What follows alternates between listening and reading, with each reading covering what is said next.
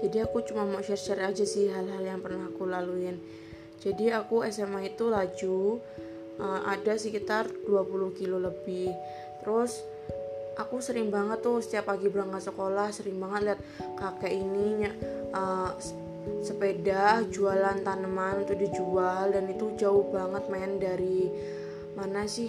Rumah dia tuh ternyata juga nggak jauh dari rumah rumah aku.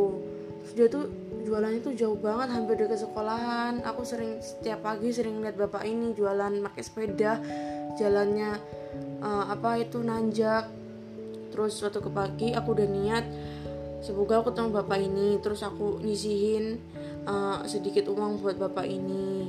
Semoga bisa aja membantu bapak ini. Terus aku pulang sambil cerita sambil nangis nangis sama ibu aku aku cerita gini gini gitu gitu terus ibu aku bilang ya udah nggak apa apa yang penting kamu udah ngelakuin hal kecil yang bermanfaat.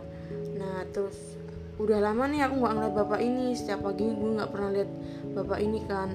Terus ternyata bapak ini tuh udah meninggal.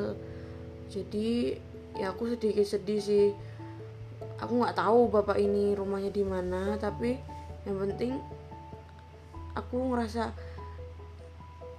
gimana gitu sama semangat perjuangan bapak ini tuh yang udah tua tapi semangat juangnya tuh cari nafkah tuh masih besar gitu.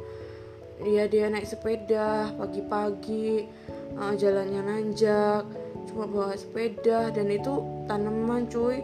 Matanya juga udah maksudnya matanya juga udah berselaput gitu hampir kayak katarak. Jadi tuh aku ngerasa kayak gila bapak ini semangatnya besar banget buat ngidupin keluarganya jadi hal-hal kecil kayak gitu sih yang buat uh, pengalaman sama apa ya pengetahuan lah buat aku